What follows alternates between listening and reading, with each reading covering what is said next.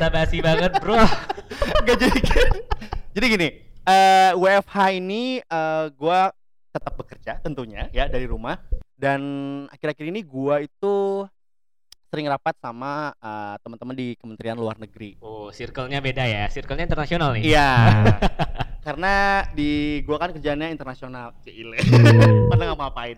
Jadi sebenarnya gue juga seneng karena sebenarnya di komplek kita di Kementerian Keuangan yang di Mhm, kantor gua mhm, terutama itu deket sama ini apa namanya eh, Kementerian Luar Negeri. Gue tuh ngeliat oh, kayak tetanggaan, tetanggaan gitu. Iya, ini ASN Kemlu kok kayaknya ganteng-ganteng, cantik-cantik gitu ya. Iya. Kayaknya ada emang pas seleksi ada seleksi wajah Iya. gitu.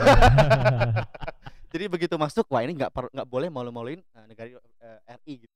Mungkin uh, kalau misalnya kita seleksi atau oh, ikut rekrutmen di Iya. Kemenlu kayaknya bakal Jadi OB. Jadi kayak ataupun ditempatin ntar kayak, oh ini kayaknya di eh, PNG. Atau di Solomon Island kayaknya lu cocok ini lu cocok. Fiji, Fiji. Eh, enggak dong, sana juga orang-orang kompeten yang ditaruh. Betul. Nah, kan selama ini nih podcast kita bahas tentang kayak ekonomi terus ya. apa ekonomi, kayak- duit, duit terus ya. Iya. Utang lah, apalah gitu kan. Sekarang kayak ada yang berbeda nih. Ya. Nah, sekarang kita udah kehadiran salah satu teman kita yang teman kita gitu. Teman kita dong. Narasumber yang eh, oke banget karena oke lah pokoknya ya.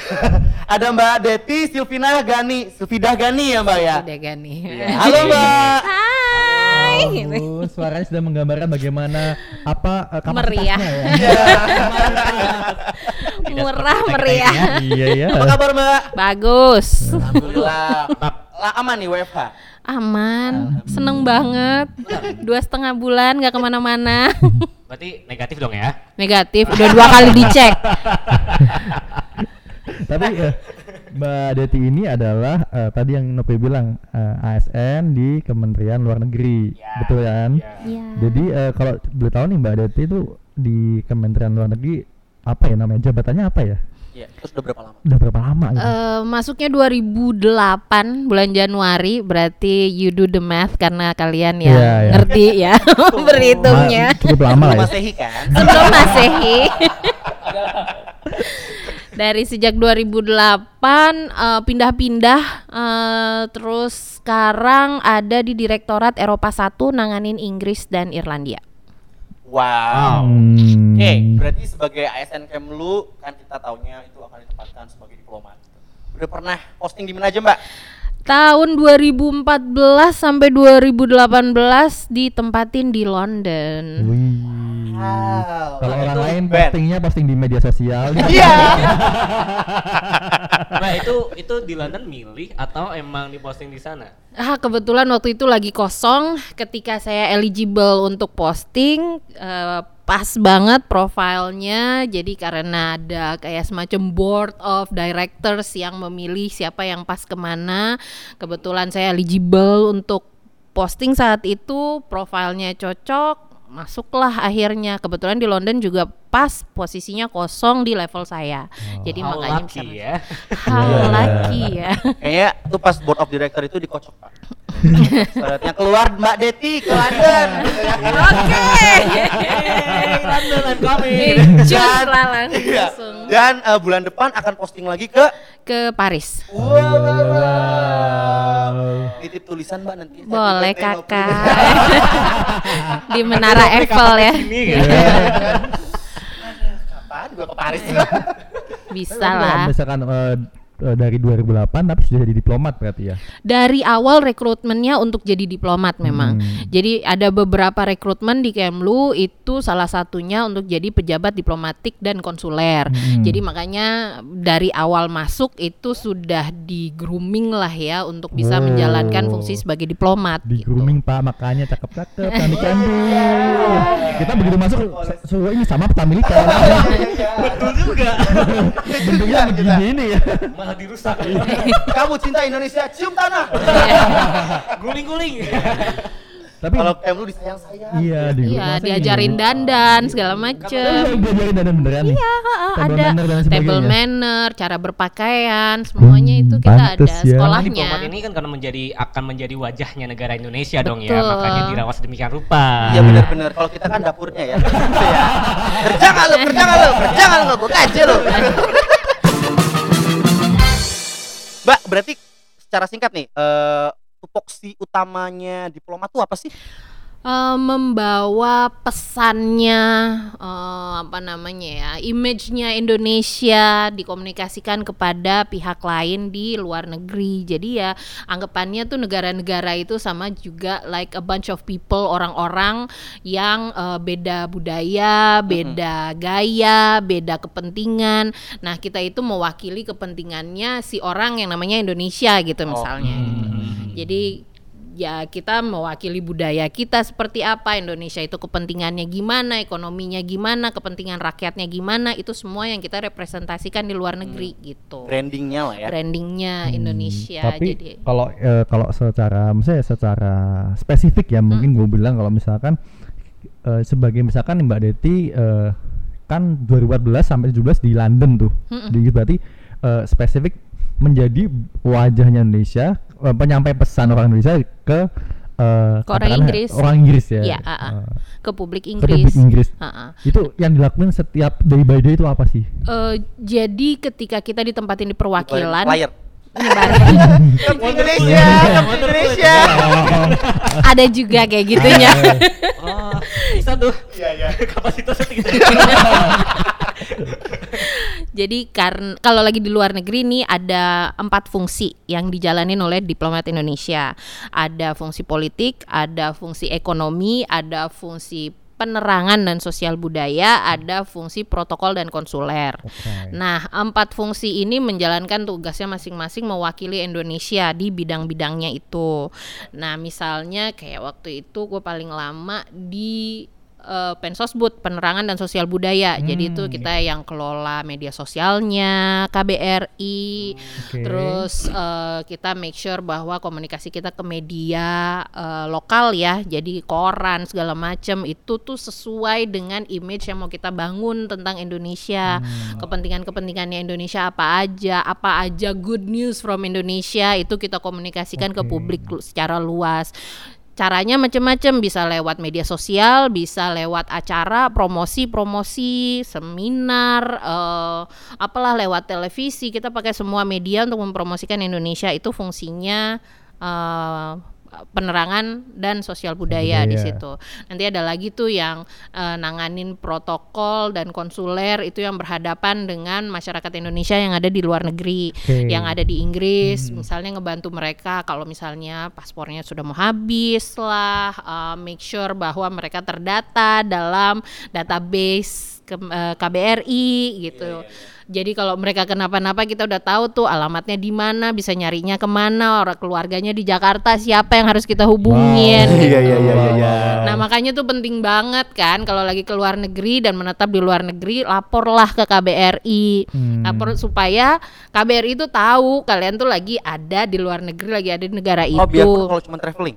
Eh, leb- sekarang tuh ada platform namanya Oke. Safe Travel. Nah di Iya. situ tuh lo bisa kayak check in gitu lah. Oke. Nah, dari pakai aplikasi itu tuh Iya. dari di situ kayak kar- karena udah check in kita bisa tahu bahwa oh di sini ada warga negara Indonesia Ah, gitu. iya, iya. Ada free lunch nggak? Ada. Ah, untuk orang Indonesia, untuk backpacker orang Indonesia gitu kan. Ada loh. tempe telur. Tahu. eh itu adalah barang mahal di luar negeri ya. juga ya. Ya. Tapi gini, eh or people there ya orang-orang In- Inggris di sana kan, itu tahu Indonesia apa itu what Indonesia is apa kayak sebangsa apa ya? Bagaimana mereka melihat negara Indonesia gitu ya? Mm, Kayaknya kayak Kalau itu sih masing-masing orang pasti akan pengetahuannya beda-beda. Iya. ya Tapi secara umum image-nya Indonesia di ma- di mata publik Inggris sih selama gua ada di sana ya, menurut gua sih they see us as negara yang bersahabat, negara yang eh, apa namanya eksotis, tempat Oke. untuk liburan. Makanya jumlah eh, wisatawan Inggris di Indonesia itu paling banyak di di antara negara-negara Eropa ya. Oke. Nggak bicara soal Singapura itu kan lainnya. Ya, ada lain tolong. lagi ya. Iya, iya. ini ini di antara negara-negara Eropa Barat itu Inggris adalah eh, apa namanya wisatawan asing terbanyak di Indonesia. Ada hampir kayak 300 ribu orang Inggris yang setiap tahun datang ke Indonesia karena kita tuh masih dianggap sebagai destinasi yang eksotis, yang Friendly. keren, yang friendly gitu Murah. dan Nah, eh, murah meriah. Huh. Iya. Oke, terus uh, how do they see us as a country? Maksudnya apakah mereka melihat kita sebagai negara yang di bawah mereka atau kayak misalnya oh ini a big country with a lot of with people. a lot of opportunities Oh, oke. untuk bekerja, untuk macam-macam lah masih banyak peluang-peluangnya lah di Kayak Indonesia gitu. mantan kita ya kan, mantan penjajah kita kan. Opportunities. Opportunities. kalimatnya. Siapa tahu Hati-hati bilangnya kalau Iya. diplomat ya. opportunities. Ada Tapi gini peluang. sebagai seorang diplomat sendiri sebenarnya kan tadi eh eh, Mbak Jadi bilang ada empat fungsi kan ya, Iya. ada, ada politik, Setiap KBRI ekonomi, ya. Mm-mm. Jadi setiap diplomat tuh harus menguasai empat fungsi ini kan sebenarnya ketika lu misalnya lu, lu penempatan lah kita bilang penempatan di Inggris kan lu gak tahu lu bakal megang apa Sa- Hmm. sampai di sana kan akhirnya Iya. oh gue megang mensosbud nih tapi sebelum itu kan lu harus membekali diri lu dengan dengan semuanya. semuanya itu Iya, kita diplomat-diplomat itu dididik untuk jadi generalis. Wah, iya. Harus paham Exactly gitu kan, semuanya. ya. itu yang yang Iya. mungkin yang mungkin istimewa gue liat istimewanya gitu jadi Iya. mau nggak mau tuh satu orang diplomat tuh lu bisa Wah. ngomong apa aja tentang negara semuanya harus gitu. digrasp sejadi-jadinya harus ngerti segala macam karena nanti itu semua ada kaitannya. Karena nanti semua itu harus kita analisa dan kita apa namanya ya kita laporkan ke eh, Jakarta bahwa eh di sini nih ada peluang seperti ini dari berbagai angle-nya. Nah itu yang kita yang jadi matanya Indonesia ketika kita ada di perwakilan kita yang lihat ke Spionase. Eh, iya jangan gitu dong. Nah agak lebih halus diplomat Oke. Habis itu melapor gitu ya. Iya. Lewat Bravax ya. Ah, cerita deh ke Iya. dalam negeri kan Bu Menlu tahu nggak Oh, iya. sih gitu. Cuy, ada Di ini gitu kan. nih ya Sus, sus, sus.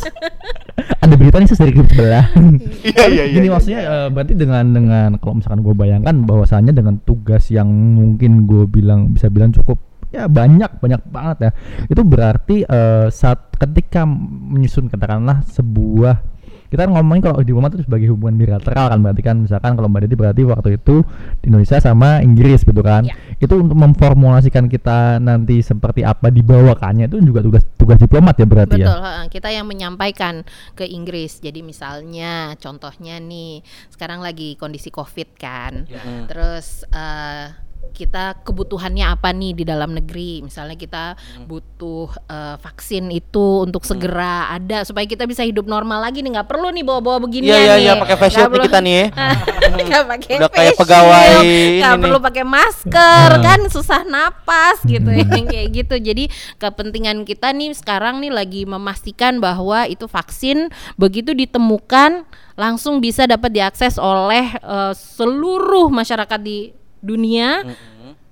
terutama di Indonesia Iya, iya, gitu. iya. Jadi eh, dan di Inggris itu em, apa namanya mereka itu eh, bisa dibilang eh, penelitiannya sudah lumayan jauh untuk menemukan vaksinnya COVID. Jadi makanya kita memastikan bahwa ketika mereka sudah menemukan itu Kita PO ya. kita PO, Bo, gitu langsung satu lah sis. kayak saya. Satu sis Iya. gitu. Ha-ha, gitu. Kita udah bodoh-bodoh banyak lagi orangnya.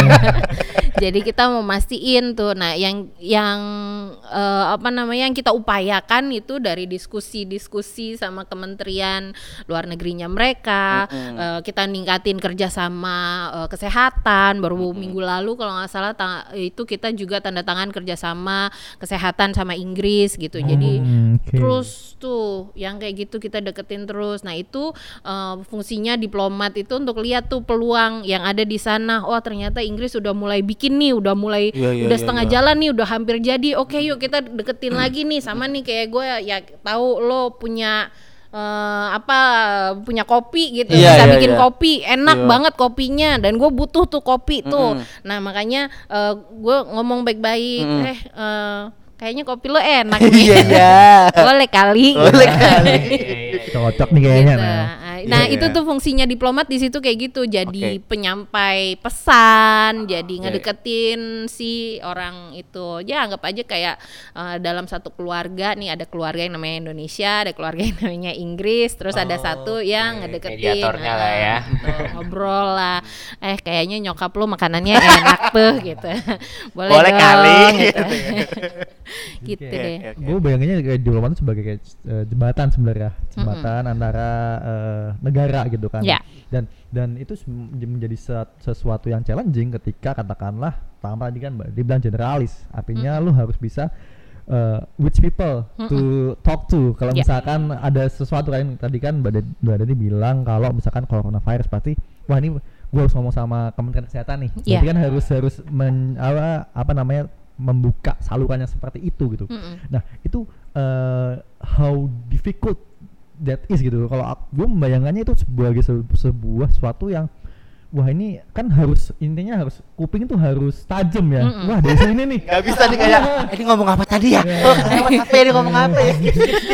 Apalagi kan orang Ing- Inggris kan aksennya Britishnya kenceng gitu ya kayak kalau Enggak, diam ada Leviosa. isu- ada isu apa di sana kemudian wah ini gue harus eh, harus bikin harus eh, bikin formulasi Point. kebijakan yang gimana gitu kan itu how gimana ya? Gue melihatnya itu sebagai sesuatu yang menantang banget. Itu Iya. gimana eh, how to cope with that dan how to overcome that eh, challenge gitu? Ya nggak boleh eh, apa namanya lemah jantung Bo. Karena hari-hari sport jantung.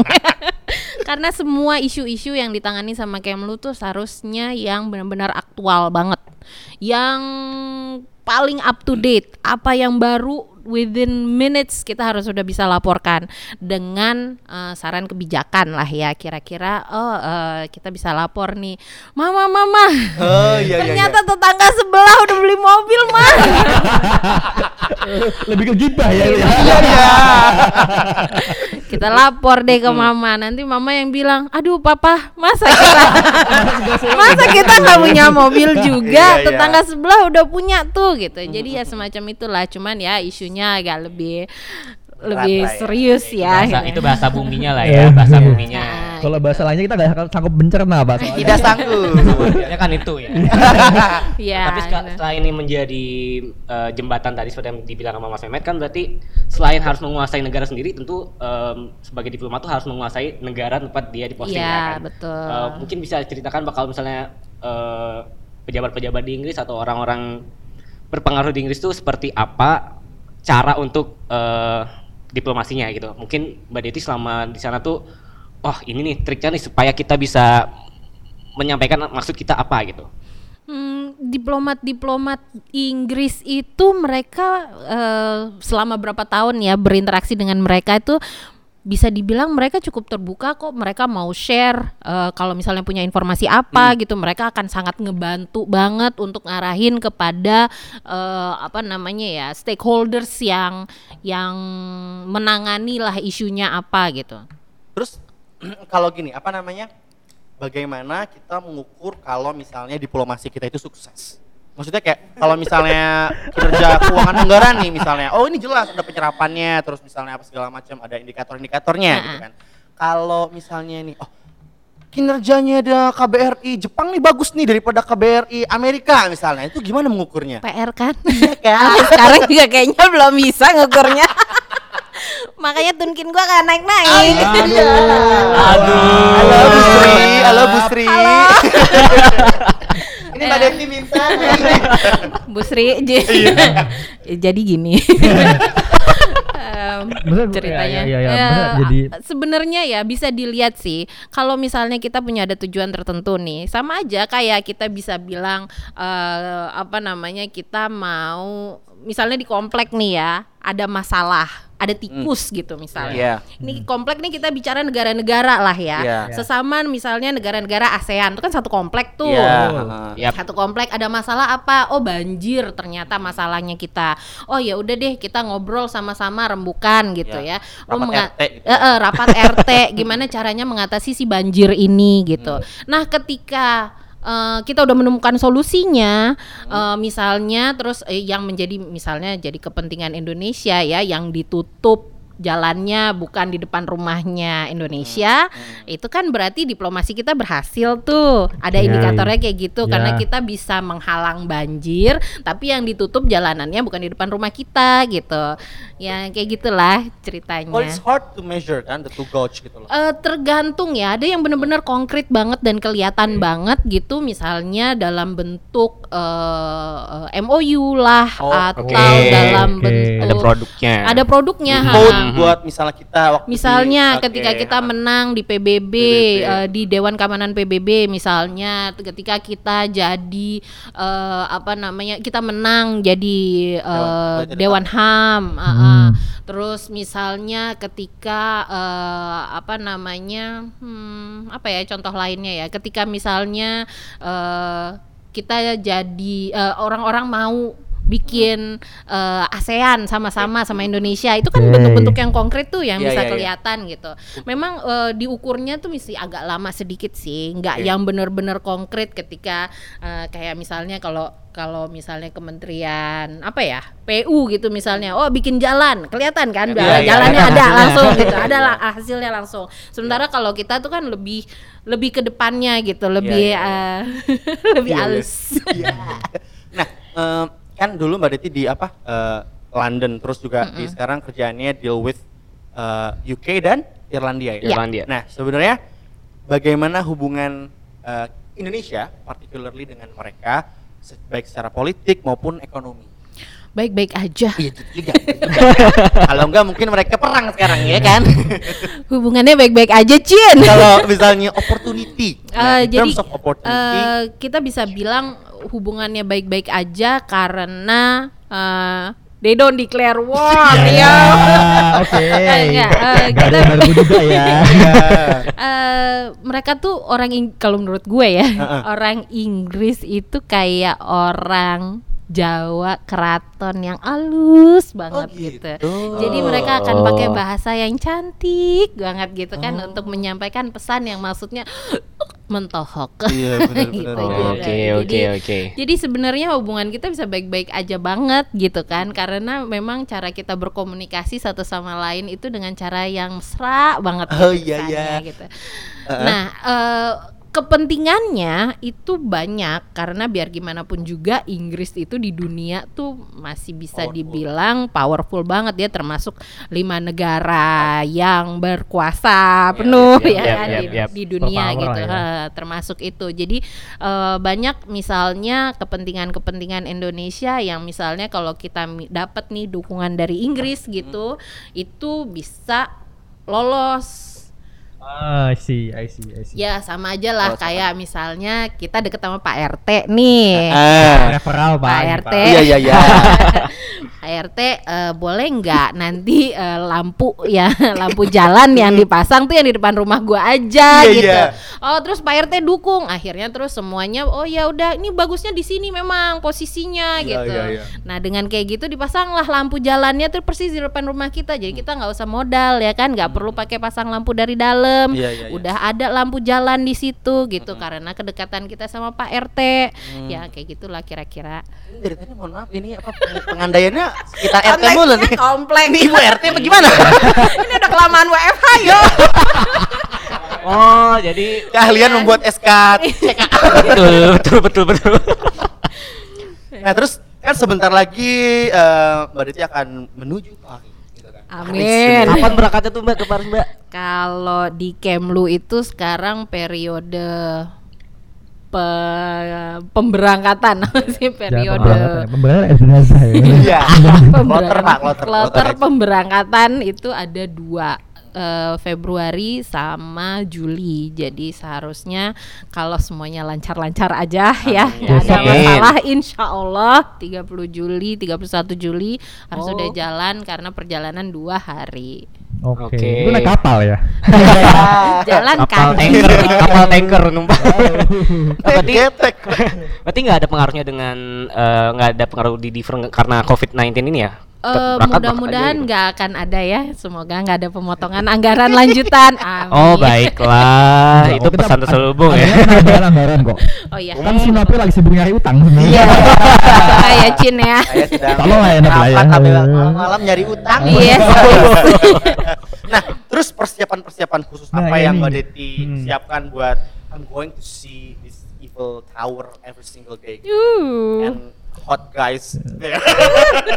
Tentunya tentunya bahasa Prancis dong kan. Oh, FYI aja nih Mbak De- Mbak Deti ini alumni sastra Prancis di UI. UI. ya, Dikit dong, Mbak. Ngomong coba, coba tes dulu Iya. nih bahasa Prancisnya nih, French-nya. Jadi memperkenalkan diri ya. Boleh, Iya, boleh. boleh, boleh, boleh, boleh. Bonjour, je m'appelle Deti, je travaille au ministère des Affaires étrangères et je serai bientôt en poste à Paris. Amin. kayak wala deh gitu kan. Ini kayak ngelihat or eh, cewek Jawa ngomong bahasa kromo inggil gitu kan yang wow. Hmm. She looks hot gitu dan sexy gitu ya nggak sih? Iya. Gaji-gajian. Lebih baik kita kembali ke pengadilan RT aja, Pak. Lebih Gaji, relate. Pak RT. Iya iya. Nanti kalau ngomongin apa? Ibarat RT. Oke, jadi siapannya apa aja, Mbak? Em, belajar kali ya, belajar. Karena setiap kali kita ditempatin di negara baru, kita harus ngerti semuanya dari A sampai Z. Harus cari rumah di mana, iya, daerah mana yang bagus, daerah mana yang busuk, nanti terus tinggalnya di sana, eh, asuransi kesehatan, eh, SIM-nya bagaimana, apa bisa nyetir atau enggak, bisa bawa keluarga atau enggak, eh, terus belum lagi nanti yang lebih ke substansi ya, itu untuk persiapan diri sendiri tuh, gimana caranya kita masuk ke dalam lingkungan yang baru dan bisa langsung settle tanpa Iya, jeda karena ah, harus kerja kan Betul. di hari pertama nyampe tuh kan harapannya udah oke bisa langsung yap, yap. running nih Oh, enggak keliling-keliling dulu. Ah, you Oh, wish ya. City tour ya. ngarep Lupa, ya. Eh, di sana udah tahu belum bakal ditempatin di bagian apa? Fungsi apa gitu ya? Kan Kebetulan kemarin itu udah sempet ngobrol kayaknya ya eh, di KBRI udah sempet ngebahas siapa aja yang bakalan dateng, terus siapa aja yang bagusnya di mana. Jadi kayaknya nih eh, semoga nggak berubah lagi atau mudah-mudahan berubah lagi. yang Iya. jelas sih sementara ini katanya bakalan ditaruh di fungsi ekonomi. Wow. Wow. Ini PR banget yo. Mbak kalau ada apa-apa bisa lah ini ya. Teman-teman ini kan jago-jago banget ekonomi. Nah. ya kan? Orang dalam nih, orang dalam. Iya, Mbak kalau ajak-ajak dong. Boleh. gue jadi apa kayak di, di, di Paris gue bisa eh, beres-beres dapur. Mulai. Boleh. Gua. Mulai ya. Siap ada kesempatan ya. Ada kecepatan. Gue yang penting ketemu Meravel tiap hari. Oh. Kan gini kalau misalkan gitu kan eh, sekali lagi berganti negara, berganti tantangan kan pasti kan dan berganti juga apa namanya ilmu yang harus di develop sebelum Iya, berangkat itu kan betul. apa ya menurut gua dan nanti kan harus nyari gua bakalan pernah nggak sih ada target selama tiga tahun nanti ke depan katakanlah itu gua pengen membuat eh, atau mungkin dari Kemen Kemlu sendiri ada target gitu kan selama tiga tahun ini eh, di fungsi ekonomi harus ada output kayak gini kayak gini itu sebenarnya ada nggak sih dari Ada kalau lo udah levelnya dubes. Oh. Selama masih jadi odong-odong malah ikut aja. ada sih. Odong-odong. tapi, tapi paling penting sih kalau kalau kalau enggak ini jadi, jadi, jadi benar karena ngomongin dubes jadi sebenarnya tugas untuk eh, se- apa ya jembatan tadi kan nggak cuma diplomat seorang tapi juga dubes juga Dubes ada, juga. ada juga yang lain mungkin juga nggak ada Oh levelnya banyak. Nah. Ada yang dari dubes, terus di beberapa perwakilan yang besar itu ada namanya Deputy Chief of Mission DCM, Hmm. itu orang keduanya. Terus turun lagi ada kepala kepala fungsi. Itu levelnya biasanya minister counselor, terus di bawahnya kalau ini perwakilan besar ya gue bicara eh, di bawahnya lagi ada eh, sek- eh, first secretary, eh, second secretary gitu kayak gue nih orang tengah-tengah nih diplomat mudanya yang tengah-tengah, terus di bawahnya lagi ada levelnya lagi yang diplomat pertama eh, first postingnya baru pertama Oke. kali Oke, oke, posting oke. itu yang le- Bekerja. Bekerja. Bekerja, Lecet, bekerja. Hulu balangnya lah ya. Iya, Ya, Ya kayak kita lah ya kalau di sini. Itu juga. Terus nanti ada juga yang lokal staff. Jadi orang, Orang eh, Inggris. eh, Oh, enggak enggak sebagian besar itu justru orang-orang Indonesia Yang lagi di sana. Iya, yang di sana Hmm, tadinya. hmm, hmm. Tapi sekarang ini udah di centralize di Jakarta rekrutmennya. Jadi bisa tuh ada lokal staff yang eh, apa namanya berangkat periode kerjanya cuma dua tahunan kontraknya gitu. Itu direkrut di Kemlu Jakarta, dikirim spesial untuk jadi lokal staff di situ. Tuh. Dan itu bukan diplomat tuh yang lokal staff itu. Gitu. Berarti mereka bukan PNS juga berarti ya? Bukan PNS. Itu lokal staff judulnya. dan kayak tugas tadi kalau gue balik lagi nih gue tugas-tugas untuk katakanlah eh, apa namanya tadi lah eh, membawa pesan atau Ya. mungkin ada beberapa Messenger. tugas diplomasi gitu kan Mm-mm. karena berarti semua di di semua lini ada berarti dari dubes dan sebagainya gitu Hmm. berarti kalau misalkan gue tanya nih berarti bertanggung jawabnya kepada pertama ke atasannya tuh Ke kepala eh, ya. Maha Esa Tuhan yang Maha Esa. Gak main-main emang ini podcast. Tidak main-main. Belok aja gue kan fungsi gue adalah belok-belokan ini kan. Iya. jadi apa ke apakah sampai ke dubes atau Enggak ya? sebenarnya diharapkan sejak kita menjadi fungsional diplomat ya Iya. harapannya bahwa kita bisa berfungsi di semua lini Ah, iya. menjalankan fungsinya berdasarkan levelnya gitu. Hmm. Nah eh, dalam konteks struktural ya gue tetap aja harus bertanggung jawab sama si koordinator fungsi yang misalnya kalau di ekonomi nantinya ini gue akan bertanggung jawab kepada eh, koordinator fungsi Fungsi ekonomi KBRI Paris gitu. Iya iya iya. iya. Eh, nanti dia naik lagi tuh ada yang ada da- lapor ke DCM kemudian lapor ke dubes see. gitu. Tapi kan di sana kan orangnya lu lagi lu lagi kan. Em, karena Kayak- cuman kita kita juga, Iya. jadi ya ada harinya ya lo lapor langsung sama Iya, dubes iya, gitu. iya.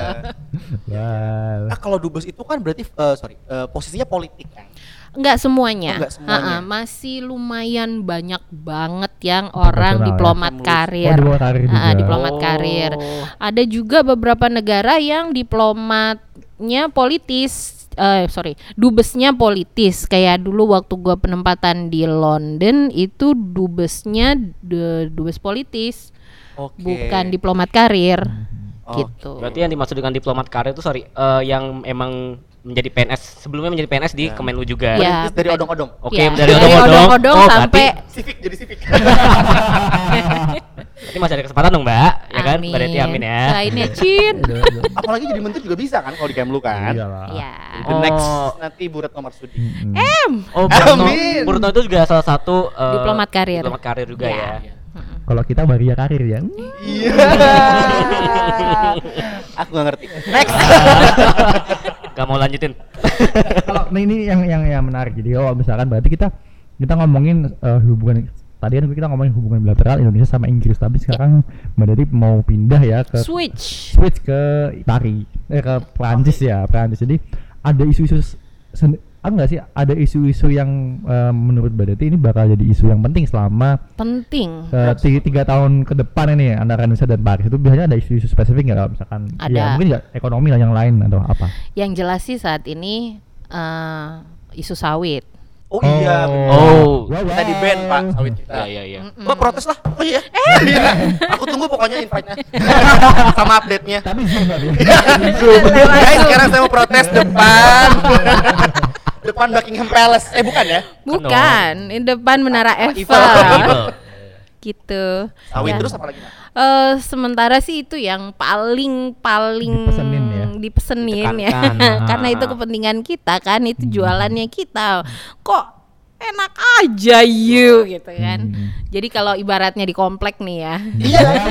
Nah, Balik lagi nih. kembali Balik lagi di komplek. Ya. Ya. Ini deket banget sama kita nih. Deket banget nih. Yap. Jadi misalnya eh, nyokap lo jualan lontong sayur, Oke. ya kan? Ya emang bener. Nah, misalnya Kok tahu? di, di komplek nyokap lu jualan lontong sayur. Terus lontong sayurnya ini eh, dibuatnya pakai eh, paling gampang lah ya eh, bikin gue mikir bikin lontong sayur gimana caranya Ketupat. ya ketupat. misalnya oke lah ya bahan baku utamanya adalah ketupat ya kan Ya. Nah ketupat Lontong ini sih sebenarnya. Iya oke lah ketupat lontong itulah pokoknya si nasi keras Nah, itu kan. Nah eh, itu eh, akhirnya itu kan yang paling enak yang udah paling gampang bikinnya gitu kan. Karena selama bertahun-tahun ini itu yang paling gampang komoditasnya yang kita jual si sawit itu gitu. Si lontongnya ini dari bahan beras. Nah te- ternyata tetangga sebelah itu punya eh, Shirataki rice. Ah dia bikin lontongnya misalnya dari ketan kali ya. Ya, Nah, ya. nah, kan aneh ya, lu masa lu bikin kentang, lontong sayur pakai ketan gitu kan? Ya. Tapi karena dia mau ngejual ke, si ketannya ini, makanya dia bilang, wah nggak bener lu bikin lontong sayur pakai nasi, nggak iya. bener. Gak ramah lingkungan lu. Iya, nggak ramah lingkungan lu, nggak bener lu. narasi-narasi untuk menguntungkan mereka ya. Iya, karena supaya dia bisa ngejual Iya, ketannya. iya, iya, iya. Kentang ke ketan lontong sayur. Iya. Sementara kan paling bener kan pakai nasi, pakai beras kan, paling enak gitu, paling ramah lingkungan, yang yieldnya paling tinggi segala macam. Tapi terus dia bilang lah sama tetangga-tetangga semua, wah ini nggak bener nih Indonesia nih bikinnya lontong sayur pakai beras. Harusnya lu harus dukung nih kita pakai ketan nih paling aman segala macam, lebih sehat lu kalau pakai ketan. lah bagaimana Iya, iya, gitu jadi ya kira-kira kayak gitulah ya Dan itu harus di resolve ya maksudnya Terus, ya, atau mm-mm. selama periode nanti postingnya Mbak Deti ya berarti. Or are you gonna Nah, exactly itu kan. eh, Itu mel- masih rumit dong. melakukan diplomasi itu, Mbak? PR Cin. PR-nya Republik masa gue yang mikirin Mbak, eh, apa namanya nasib eh, para pengusaha sawit berada di tanganmu, Mbak. Amin. Jadi berat ya. ya kan kalau di level gua mah. Ya paling enggak tapi isu-isu yang akan apa namanya ya yang yang akan jadi highlight lah ya di dalam hubungan kita sama tetangga sebelah itu itu salah satunya gitu. Masih banyak isu-isu lain karena Prancis itu juga termasuk lima negara eh, P5 yang Apa apa namanya anggota tetap PBB ya? Dewan Keamanan PBB gitu. Terus dia juga termasuk negara-negara yang berkuasa lah ya di dunia Iya, ya, iya, yang iya, apa katanya dia semua orang harus ikut ya kan. Jadi ya kita harus baik-baikin lah. Mencoba Pasti ya. uh, uh, pasti Ya, akan ya, ada ya, banyak ya. hal lagi yang uh, mau kita kerjasamakan sama mereka gitu. Make sure bahwa uh, semua akan baik-baik aja kalau kita deket sama Pak RT. Iya, gitu. bener.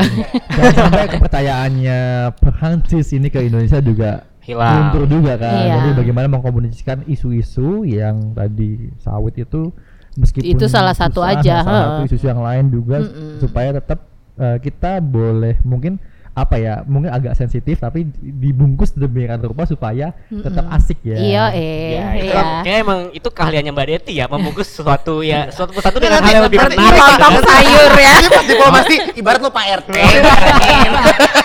Gini loh, bro. ngomong di ngomong di Ibaratnya lu jual lontong sayur ya Prancis ya. Jadi ya. Sebenarnya banyak banget sih isu-isu yang sama Prancis itu. Cuman ya kalau misalnya mau diomongin satu persatu, yuk kita Ya, ketemuan aja kita ya. Posting ya. kita posting nanti Mbak Deti Iya. jadi menteri baru Iya. selesai. Banyak karena hubungan bilateral kita sama mereka kan udah lama banget. Udah dari awal pertama kali Indonesia ada tuh salah satu negara yang ter- yang kali ya? ah, ah, yang Iya, iya, iya. kita ajak temenan lah itu mereka duluan ajak ah, ah, termasuk negara-negara yang mana kita buka hubungan bilateral pertama itu Berarti one of the oldest KBRI di one of the oldest Pros. ah. Gitu Ya, jangan sampai hubungan yang udah dibangun selama ini tuh jadi Em. rusak karena Eh. urusan lontong sayur ya. kan? Iya bener bener bener. jangan sampai Iya, ya jangan lontong sayur Iya. bikin masalah Ya, tapi gini loh, eh, ini mungkin ya terakhir-terakhir ya. Ya gini. Kalau misal orang nih, kan misalnya gua nggak suka nih sama orang itu, tapi gua punya kepentingan sama orang ini nih. Mm-mm. Gua harus bagaimana caranya fake-fakean lah gitu. kayak Am. di depan kayak Hai Jin gitu kan. Aduh, apa kabar nih cantik bener nih lo pakai apa nih? Di luar busuk nih orang gitu kan. bener gak sih kalau diplomat itu juga harus menjalankan maksudnya harus punya keahlian seperti itu untuk kayak me, Menjaga hubungan baik. Yeah, exactly. Even though we don't like that person. Ya mau nggak mau Cin Iya, bener ya. namanya juga Namun juga wajah Indonesia di luar negeri, Pak. Iya. Tapi emang itu diajarkan gak sih kayak sebelum kita jadi diplomat kayak how to be professional, how to be Ada semacam trainingnya itu mungkin ya. iya kita ada sekolahnya bilangnya sekolah dinas luar negeri Ay, ada tiga periode tuh itu sebelum jadi diplomat ya. Eh, Dulu. pokoknya begitu masuk jadi PNS Kemlu, abis itu terus ada sekolahnya selama hampir tujuh bulan gitu ya, lo sekolah diplomatik dulu. Jadi diajarin macam-macam lah, diajarin cara ngebaca peta dunia, yang mana Indonesia, lo Iya, iya, ditunjukin posisinya di mana gitu. Oh, sama sekolah bawa atlas tuh wajib ya. ya, Karena jelasinnya ibarat ini ya lokasi desa apa, apa gitu ya.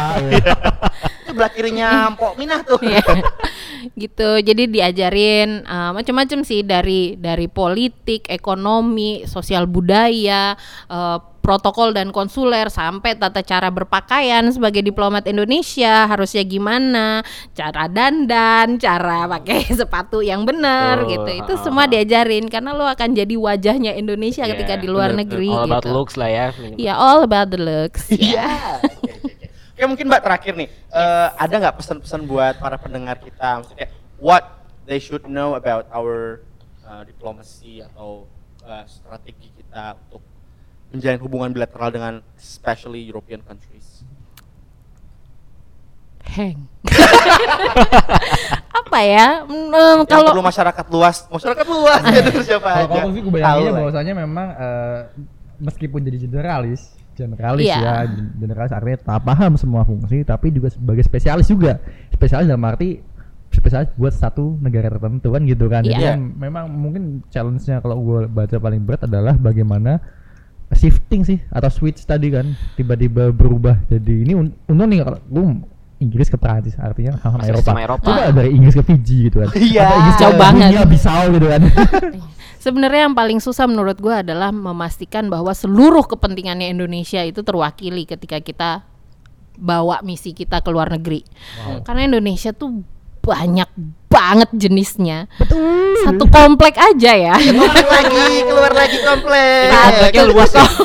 Ada Kompleknya ini. tuh banyak gitu. macem-macem iya jadi dari orang Sumatera orang Jawa orang Kalimantan orang Sulawesi orang Kepulauan orang Bali orang Papua semua harus terwakili dalam satu payungnya Indonesia satu nama Indonesia jadi kalau lo ngebawa Indonesia itu yang lo bawa semuanya Hmm. lo tenteng dah tuh semuanya tuh saudara-saudara lo semuanya ya kan kakak adik encang encingnya Iya, babe iya, iya, itu iya. semua harus terwakili bahwa gua adalah gue bicara atas nama 260 juta rakyat Ah, Indonesia. iya. Amin. Yuhu. Nah jadi ini nih maksudnya diplomat-diplomat kayak Mbak Det ini kan udah susah payah menjaga image Indonesia di luar Mm. negeri ya. Em. Jangan sampai warga negara sendiri yang menjatuhkan image Indonesia itu sendiri. Iya, Pokoknya komen-komen Komen-komen di sosial media, di internet itu dijaga lah ya. Jangan sampai Iya. kita bikin malu warga negara Indonesia sendiri. Hem. Exactly.